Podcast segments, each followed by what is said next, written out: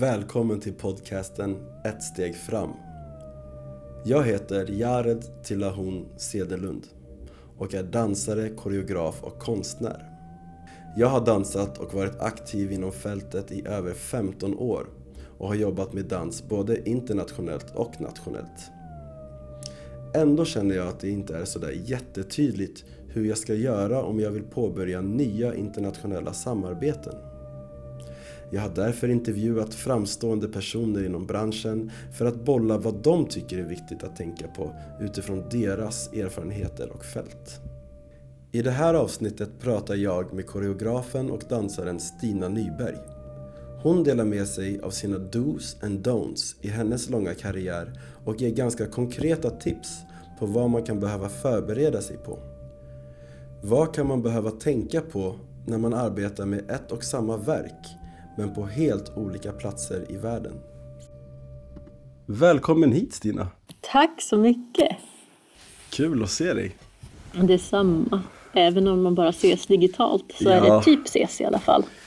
Eh, jag tänker att jag börjar fråga Hur kommer det sig att just du jobbar med just dans? Det är väl olika saker skulle jag vilja säga. Alltså att jag började hålla på med dans överhuvudtaget tror jag kommer ganska mycket från att jag höll på med gymnastik när jag var liten. Så det kommer nog en del från liksom gymnastikträningen och tävlingen och när jag liksom slutade med det, att det ändå låg ganska nära dans. Och jag började fylla min tid med att dansa istället på något sätt.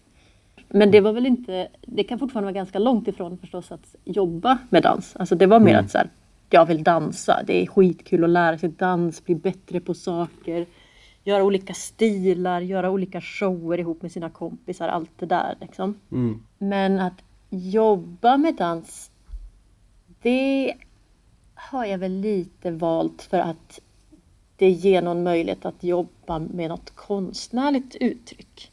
Mm. Som, ja, men som ger ett, ett, en arbetsvardag som är typ lite lekfull och mm. kul. Att vi börjar dansa, men sen är det kanske annorlunda att just jobba med dans. Liksom när hände, hur hände det skiftet? Eller liksom, kan man bara välja så här, jag ska jobba med dans och så händer det? Eller hur gick det till för dig? Nej, för mig gick det väl till så att jag funderade väl en del på om jag skulle söka liksom dansskolor och sånt efter gymnasiet.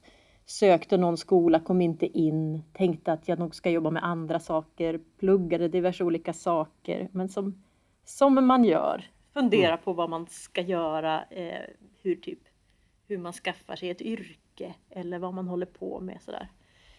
Um, så jag hade nog en andra omgång däremot när jag var sådär, ja men om jag vill hålla på med dans på ett sätt som är mer ens yrke just, mer än fritid. Då kände jag att så här, men då kanske jag måste gå och satsa på det lite mer och sökte liksom Balettakademin i Stockholm då och kom in. Um, var fortfarande inte övertygad om att det var det jag ville jobba med just.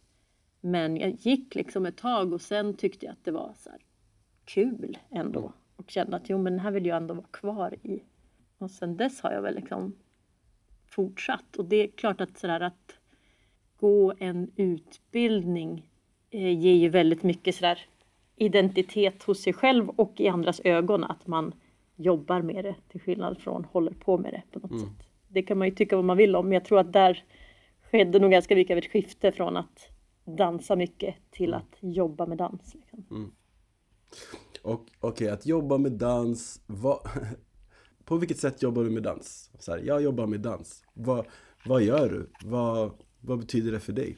Jag jobbar med dans som i att jag gör föreställningar, mm. alltså koreograferar mycket föreställningar.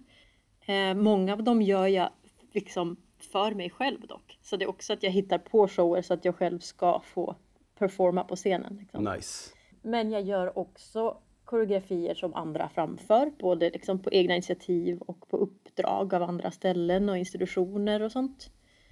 Jag jobbar också som dansare med andra människor eller i andra människors koreografier.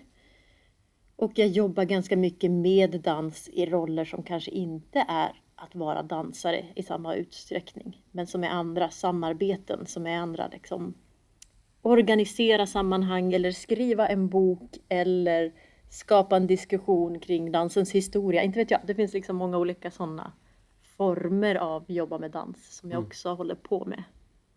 Och eh, du jobbar både alltså i Sverige, nationellt och internationellt. Vart eh, har du jobbat internationellt? Du kanske är överallt i hela världen, men som några exempel.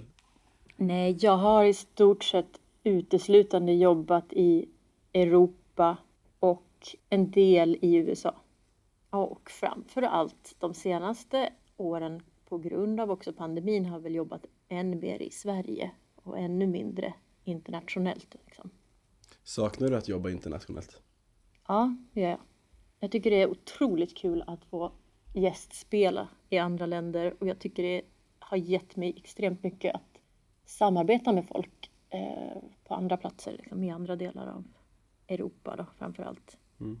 Men i din eh, vad ska jag säga, erfarenhet, är det, är det skillnad på att jobba i Sverige och internationellt? Det är ju helt beroende på var man jobbar skulle jag säga. Så även om jag har rört mig i ganska liknande länder i relation till att Europa och Nordamerika ändå kulturellt ganska lika varandra mm. så upplever jag scenerna som väldigt olika. Både mm. med liksom ekonomiska förutsättningar och hur mer eller mindre politiskt det är, mer eller mindre jämställt det är, hur mycket folk ger tid eller vilka liksom, frågor som är aktuella eller trendar eller händer i olika platser. Mm. Det är ju väldigt olika beroende också på hur man jobbar internationellt. Så vissa platser känner jag att jag kanske haft en koppling till som i varit där lite längre tid och jobbat med folk som bor på platsen. Mm. Då får man lite mer insyn i liksom vad den dansscenen håller på med. Andra ställen har jag ju liksom kanske åkt på en spelning på en festival och då rör man sig liksom i ganska liksom en liten bubbla med andra dansare och andra inresta och är mm. där fyra dagar. Så då vet jag inte riktigt om jag egentligen vet något om själva platsen vi spelar på så mycket. Ja, man lever liksom som i sin liten festivalresa då på något mm. sätt. Och när du jobbar internationellt, är det så att du alltid kontaktar andra eller kontaktar andra dig och hur går den processen till? Det kan nog gå till på ganska olika sätt. För mig har det väl varit en kombination. Ibland har det varit så att jag faktiskt har sökt till festivaler som har så open call eller att det finns saker man kan ansöka till. Eller hört av mig till eh, spelplatser, teatrar, festivaler som jag tycker eh, verkar ha ett intressant program. Och som jag tänker att här skulle jag, det här sammanhanget skulle jag vilja vara i. Och så hör man av sig helt enkelt på vinst eller förlust. Mm. Men det är ju liksom, för de flesta gångerna funkar ju inte det. Alltså man får kanske ett svar om man har tur. Men oftast går det inte. Men det, det kan hända. Liksom. Man gör det väldigt många gånger så kanske någon av dem går igenom. Liksom. Jag tror det mesta internationella samarbetet har mer varit att jag hittat andra dansare, koreografpersoner som delar något intresse. Mm. Eh, som vill jobba ihop helt enkelt. Folk man vill jobba ihop som är baserade någon annanstans. Mm. Och därigenom så börjar man liksom eh, hitta tillfällen och möjligheter att vi skulle kunna ha råd att hälsa på varandra och jobba ihop. Mm. Eh, och därigenom liksom samlar man de kontakter man har på de platserna för att kunna göra det möjligt. Och sen på det sättet kan man kanske så småningom också få till att få visa det som man har gjort på de två platser där man själv är baserad på något sätt. Mm.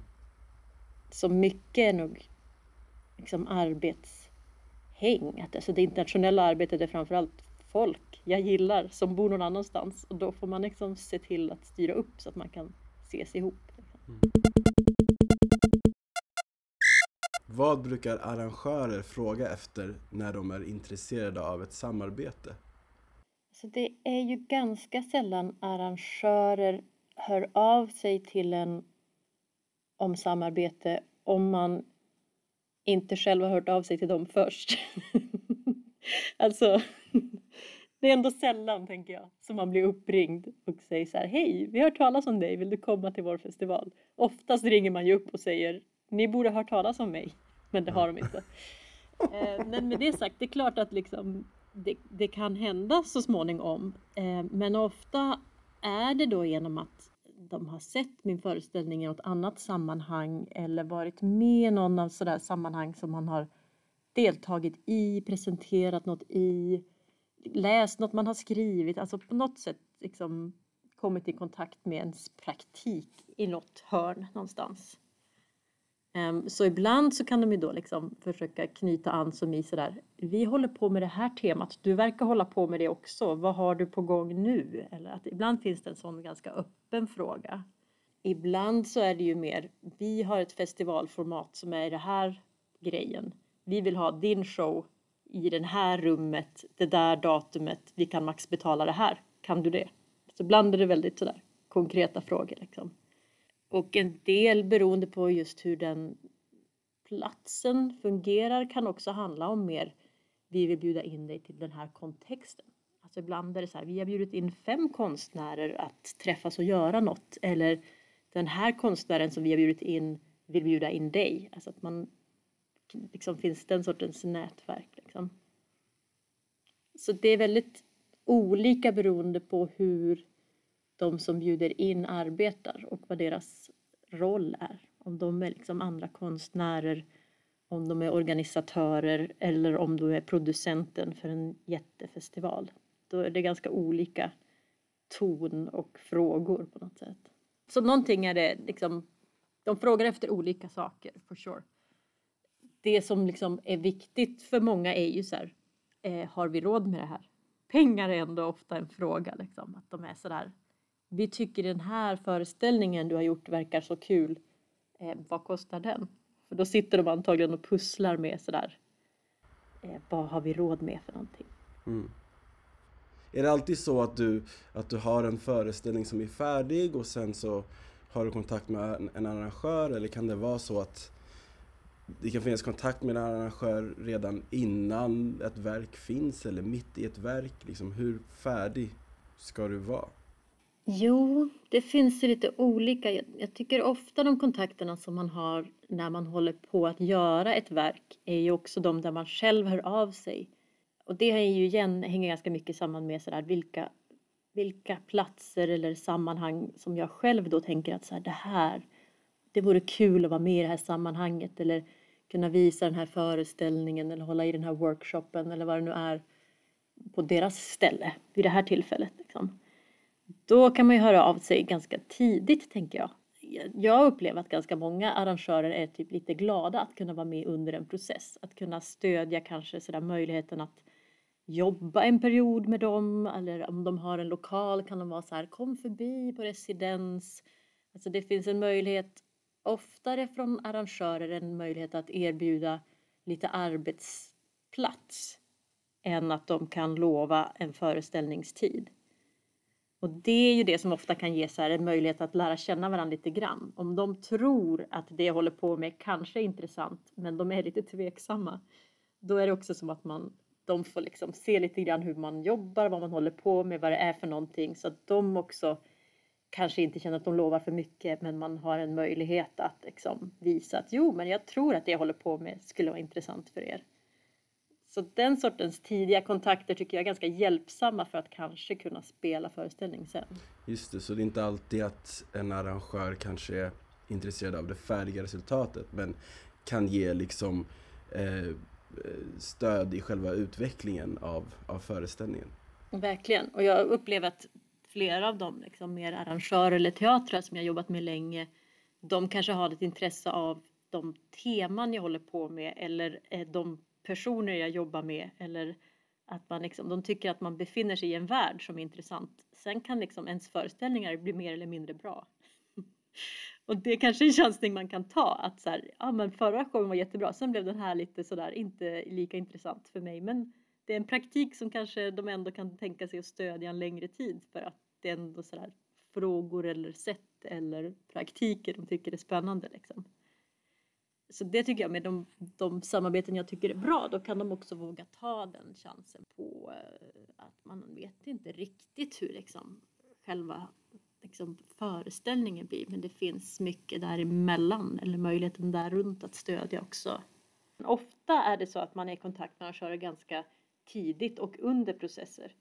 För att ofta också för att kunna söka pengar så behöver man kunna förklara för bidragsgivare att det finns några som tror att de möjligtvis är intresserade av att visa det här. Och då behöver man ju också ofta prata med arrangörer innan och presentera lite vad man skulle vilja göra och de kan ge ett potentiellt, jo men det kanske vi skulle kunna vara intresserade av svar. Ofta är det ju där någonstans i det väldigt öppna som det börjar men där det ändå finns sådär ja men vi vill ändå stödja att du försöker göra en föreställning och sen får vi ju se om det blir en föreställning eller inte och hur den blir eller vad vi känner för det. Och sen kan det vara som ett helt annat steg som är sådär Hej, nu börjar min föreställning vara klar. Den ser ut så här. Eh, skulle ni kunna tänka er också presentera den som föreställning? Och det är inte alls säkert att de två hänger ihop. Och hur lång kan en sån här process vara då? Liksom, ja, vi säger att du ska göra ett nytt verk och börja kontakta arrangörer. Ja, alltså den kan vara hur lång som helst. Nej men på riktigt, alltså ibland har det verkligen varit så långt. Och ibland har det varit så att så här, ah, men det här är nog intressant. Det kanske, det kanske nästa år ska det komma. Och sen har man liksom flera års konversation. Och man kan vara så där, nej det kommer aldrig hända. Och sen plötsligt efter så fyra år är de så här, du, nu har vi faktiskt något tema kring det här. Eller nu kanske det ska finnas tillfälle. Liksom. Så det var det flera gånger så jag tänkte tänkt att så här, nu har jag nog, det här var nog sista gången jag spelar den här föreställningen och sen två år senare då kan samarbeten som jag försökte jobba på under tiden man liksom precis var kring premiär då kan de ändå plötsligt bli av eller något sånt. Så det kan ta väldigt lång tid. Mm. Och om du har en färdig föreställning som, som du är redo att liksom spela och åka runt på gästspel och så Ungefär hur, hur långt i förväg är du i kontakt med en arrangör då? det är väl kanske åtminstone ett år innan. Okej. Okay. Oftast är det ett år ungefär. Men många, många samarbeten tycker jag också, eller många sådana där situationer eller möjligheter kan ibland inte fungera eller inte tajma, eller, men att det leder vidare till så här, men nästa år kanske. Eller en version av eller liksom som, som det här exemplet så är det också sådär att jag gjorde en, höll i en workshop förra året så då det här året kanske man är med och spelar en föreställning och att det finns ett sånt liksom det knyter an lite i varandra och tar liksom det samarbete på något plan har hållit på lite längre eh, men ett gästspel på det sättet liksom. om det är rent konkret gästspel då är det kanske den tidsramen typ. Vad behöver du liksom men vad, vad, vad brukar arrangörerna vilja se? Är det foton, är det video, är det en budget på vad det kostar och så vidare? Ja, de brukar vilja ha en beskrivning om vad det handlar om, en video, eh, teknisk rider och så vidare beroende på formatet på föreställningen. Eh, en del är ju mer platsspecifika, då kan det behövas mer. Då undrar de mer så här, vi har den här platsen, vad skulle det innebära där? Eh, och en del kan ju vara just beroende på, alltså en del bygger kanske på att man jobbar med lokala dansare. Då är det sådär, vilken sorts grupp, vilken sorts samarbeten skulle du behöva för att det här skulle kunna hända? En del föreställningar är ju sådana som eh, har olika form eller olika liksom, situationer. Då kan det också vara så här, vi har det här, hur skulle det funka? Så ganska, ganska olika igen beroende på också hur ens föreställning fungerar. Men ja, det är oftast skitbra att ha video. Alltså snygg video är säkert jättebra för jättemånga grejer. Jag har alltid skitfula videos. Jag nej, inte vissa är bra. Men jag, har liksom, jag kan struggla med det här att man ibland har gjort en jättebra föreställning men jag kommer alltid på lite för sent att gud man borde filma den här på ett bra sätt. Så att man har en lite så halvtaskig inspelning Eh, eller som de senaste åren så blir filmaren sjuk i covid dagen innan. Eller, alltså det var så många tillfällen som är så här, oj då, ja, men nu blir det lite som det blir. Och det är lite sånt som kan liksom, ja det kan sätta liksom igång lite problem senare. Att det faktiskt inte riktigt finns någon bra dokumentation av det man har gjort. Liksom, om man vill plocka upp det igen eller om man vill kunna beskriva för någon som inte varit där eller som inte känner till någonting om det hela. Ja men okej, okay, vi pratade lite om att vara i kontakt med arrangörer och att vilja göra, ja men jag kanske vill göra en föreställning och eh, där kommer ofta frågan om pengar in, liksom vad, vad, kost, vad kostar föreställningen? Och låt säga då att, för det måste ju hända ganska ofta att kanske en arrangör tänker så här, ja ah, men vad kan det kosta? 5000 kronor, vi har 5000. Men så kostar egentligen föreställningen 10 000. Vad, vad gör du då? Vad, måste du liksom gå med på att det kostar 5000 eller kan du söka pengar någon annanstans eller hur gör man i en sån situation? Det, jag gör ofta någon sorts kombination på det sättet. Så ja, det finns pengar att söka. Eh, man kan söka turnébidrag från Kulturrådet. Eh, man kan ibland söka pengar från Konstnärsnämnden för just mer utbyten eller sånt. Och många sådana där gästspel är ju någon form av utbyte. Man har också samtal, man kanske håller i workshop, man kanske också går och tittar på saker. Det finns liksom sätt att också så prata om helheten i det. Så ett sätt är absolut försöka få ihop lite mer pengar. Eh, sen prutar man ju absolut när man måste. Men det beror ju också på, det är lättare att pruta på sig själv. Eh, det kan man tycka vad man vill om, men om det är ändå sådär mitt verk och jag som står på scenen, då kan jag avgöra lite vad jag personligen har råd med att göra just nu beroende på hur mycket jag sommarjobbade eller hur mycket jag fick i arm av min mormor nyss eller hur mycket det är värt för mig att vara i det här sammanhanget. Liksom. Men det är ju svårare att pruta för andra. Alltså om man jobbar med någon som ska vara med vill man gärna att den ska kunna få betalt för den kanske inte har fått något arv nyss. Så man kan ha olika sömsmål beroende på hur många man är med som man ska jobba med också tycker jag. Egentligen är det väl kanske så att de ofta frågar om eh, kan du spela den här föreställningen, kan du göra det på de här datumen, eh, vad skulle det kosta? De frågar vad man skulle föreslå. Och då säger man ju lite mer så att man har lite förhandlingsläge helt enkelt. Så då brukar man ändå föreslå något som är så här, inte helt orimligt men med det där så skulle jag ändå gå med lite pengar vinst. Och sen när de då vill pruta, då prutar man lite tills man ändå har råd att betala okej. Okay. Så lite kohandlande känns det som att man försöker sig på. Men det kan ju också variera säkert hur mycket en föreställning kostar. Det varierar jättemycket och det beror just på så här, är man många på scenen kan det kosta mycket eh, och ibland kostar en del liksom teknik, pengar eller sånt eller frakt eller sådär. Eh, och ibland så kan de ju vara billiga. Men det beror som sagt jättemycket på annat också. Är föreställningen på Gran Canaria i maj eh, och jag kan stanna på en veckas semester så kan jag känna mig ganska nöjd med att typ få resa och boende betalt. Men jag menar, så, så där kan man ju tänka på när det är en själv också och vad, som man, vad man vill göra, vart man vill resa, vad som är värt mycket på det sättet. Men så finns det förstås någon, någon sorts gräns där man är så här, men jag måste betala hyran. Eh, och folk jag jobbar med måste absolut betala sin hyra. Och det är inte deras konstnärliga vision som de uppfyller genom att åka till Gran Canaria. De kanske inte ens gillar solsemester, de vill liksom åka till fjällen och åka skidor. Alltså då, det är en helt annan fråga där på något sätt. Du nämnde eh, teknisk rider.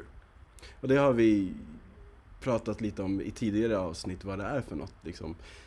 Eh, och nu kom jag på att du har ju en föreställning där det är blixtar på scen. Alltså riktiga elektriska blixtar. Det är inget eh, fake-ljus utan det är såhär Ja men hur, hur, liksom den riden måste ju vara ganska speciell, eller hur, hur, funkar det? Kan du åka runt med, med en sån där blixtmaskin vart som helst eller? Nej, den riden är verkligen jättespeciell. Eh, också mm. för att då den här Tesla-spolen som gör blixtar eh, fungerar olika beroende på vad det är för lokal, eh, vad det är för material i lokalen, vad det är för väder ute, eh, vad det är för fuktighet och värme. Alltså den, den är liksom väldigt svår att räkna ut. Så ja, vi har en ganska omfattande rider. Um, men framför allt så har jag liksom tekniker som jag har samarbetat med länge som kan förklara vad det hela handlar om för liksom, de tekniker som jobbar på teatern eller på festivalen. Så att ofta fungerar liksom riden som någon sorts översikt och grund Eh, och därifrån kan man typ ta ett telefonmöte där de kan få ställa frågorna om sådär, okej, okay, vad är det som är, vore kul att ha och vad är det som är, det här måste finnas för att ingen ska komma till skada. Och så får man liksom prata igenom saker. Och just för den föreställningen så är det också ofta så att vi då försöker åka och testa på förhand. Så att man vet att det kommer att fungera. Och hur kan det se ut om det inte är så att eh, riden innefattar en Tesla-maskin som, som ger blixtar? Vad, hur, en lite enklare ride, vad, vad, skulle det kunna vara? Men då är det väl ofta liksom, minsta mått, om det finns någon särskild så här, takhöjd eller yta, om det finns något särskilt golv eller bakgrund, om man spelar musik och i så fall behöver någon viss sorts högtalare eller någonting Eh, om det behövs något sorts mikrofon eller alltså en sån annan teknik. Och sen är det framförallt en lista på så här, vilka saker kan vi ta med? Typ, jag har mikrofon och jag har tyget i bakgrunden, men jag har inga högtalare. Det måste ni ha. Eller liksom, vilka, vilka saker har man själv med och vilka hoppas man att de har eller kan fixa? Det är väl ganska viktigt på en teknisk rider. Jag tycker det är viktigt också just att ha med någonting om sådär vilka saker kan förändras per spellokal. Många föreställningar jag har är sådär, alltså är det ett knallgult rum kanske det är jättefint men är det ett rum som innefattar en viss akustik kan det bli svårt. Eller det finns olika saker sådär så att vissa saker behöver kanske inte vara standardiserat svart rum och svart dansmatta utan eh, vad har ni? Ja men det funkar liksom att man är tydlig också med att så här, vi kan väl prata om vad som skulle funka. För många arrangörer är ju också sliter för att få ihop det liksom och det kostar jättemycket att hyra in någon matta som de inte har och den kanske inte är svinnödvändig liksom för det konstnärliga uttrycket liksom. Men att också då vara tydlig med om det är vissa saker som faktiskt spelar väldigt, väldigt stor roll. Som att jag till exempel i samma föreställning så har jag också en del som ska vara i kolsvart, alltså att det är totalt mörker. Och det är en viktig del för att jag också pratar om att nu kan man inte se någonting, vad händer då? Så då blir det ofta en ganska lång diskussion om hur gör man med ljus som slipper in någonstans ifrån. Man måste kunna mörklägga, man måste kunna täcka över nödutgångsskyltar och sånt där. Liksom. Men, så då är det sådär, när, när är det viktigt att mörkt verkligen betyder ingen, inte en endaste lampa eller en blinkande LED-bit på högtalaren och när det är mörkt bara sådär, ja men hyfsat mörkt vore skönt. Typ. Har du varit med om att det liksom verkligen inte har funkat någon gång på grund av teknik eller liksom att något saknas? Ja och nej. Alltså det har både gjort det men tyvärr måste jag väl erkänna att man tillsammans med liksom framförallt de stackars hårt arbetande teknikerna har löst det på ett okej okay sätt. Så jag har nog inte ställt in på grund av att det här funkar inte tekniskt eller praktiskt. Men ibland kan det vara på gränsen att man tänker fan vad man har tappat all integritet om man inte ställde in. Man bara absolut, the show must go on.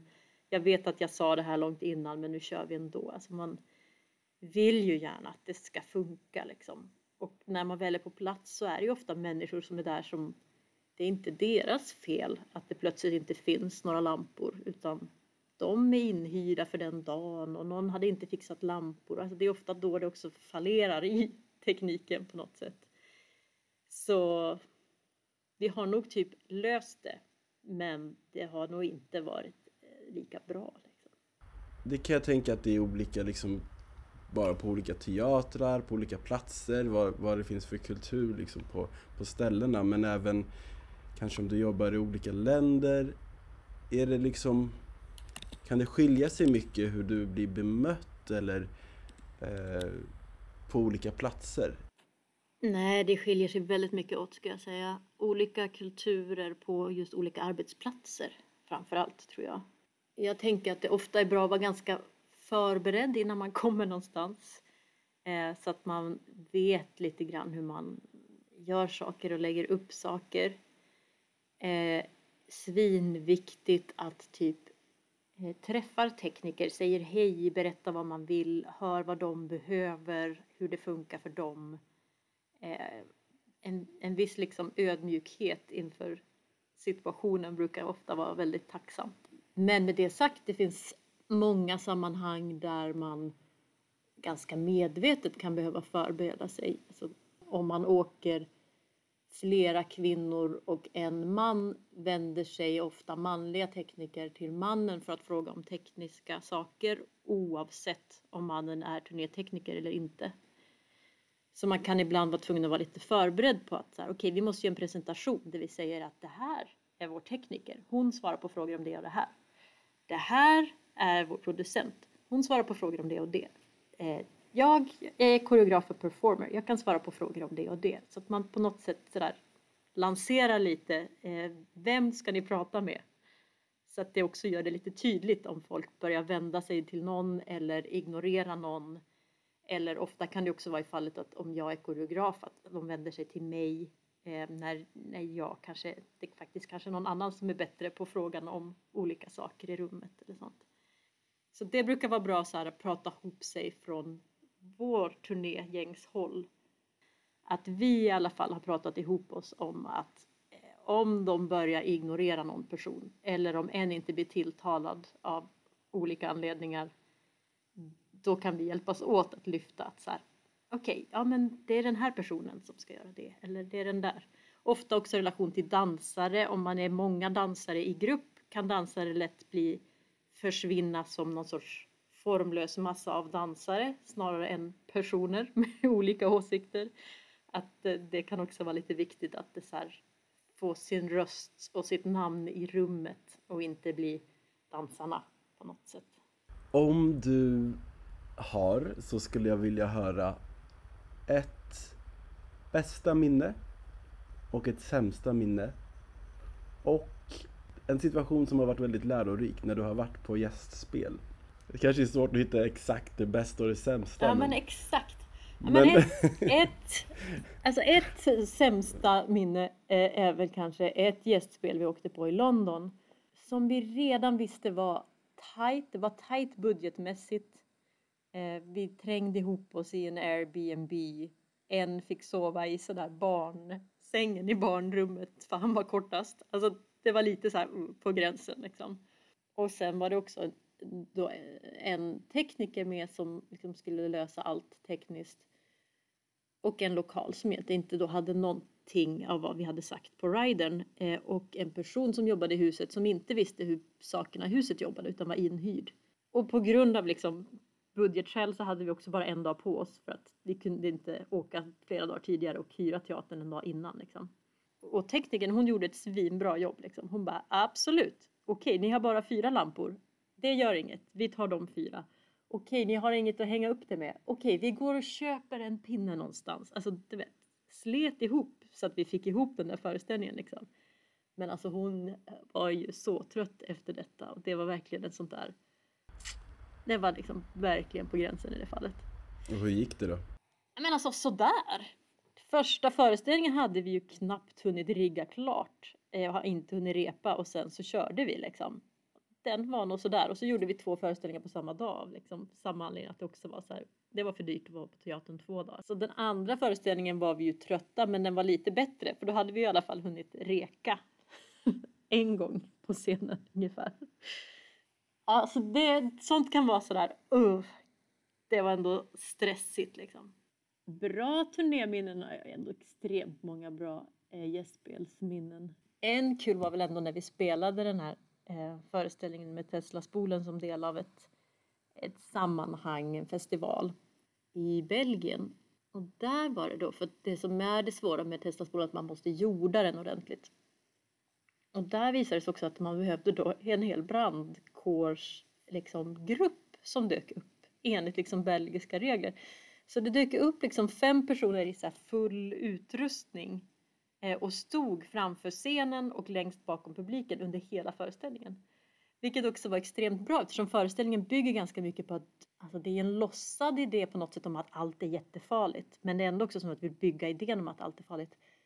Och det där hjälpte ju svinmycket att ha så här riktiga brandmän ståendes vid scenen. Bara liksom. Det var som att det var så farligt alltihop det var en väldigt bra så här, konstig liksom, bieffekt av deras specifika regler så här, som gav liksom, någon sorts konstig dramaturgisk kurva till det.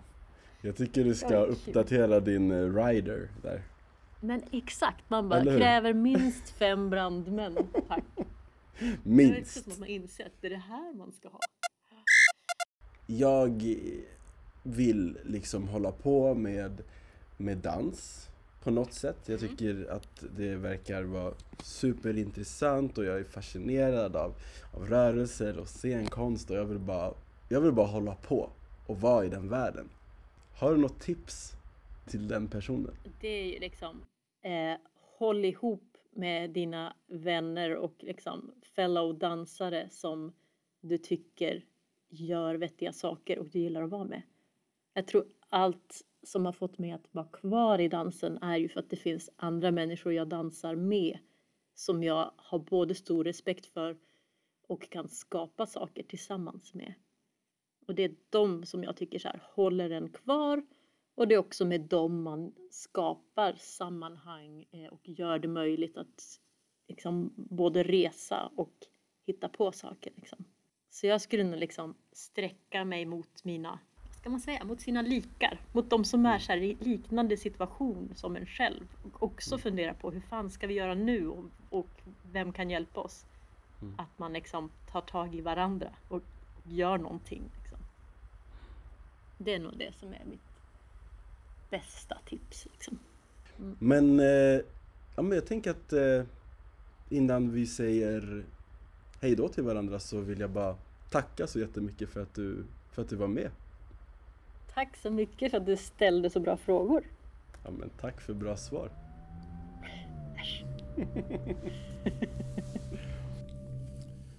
Du har lyssnat på Ett steg fram med mig Jared Tillahun Sedelund. Musiken är gjord av Kablam. Podden är producerad av Nordberg Movement och är en del av projektet I rörelse som finansieras av Kulturrådet och Konstnärsnämnden. Tack för att du har lyssnat.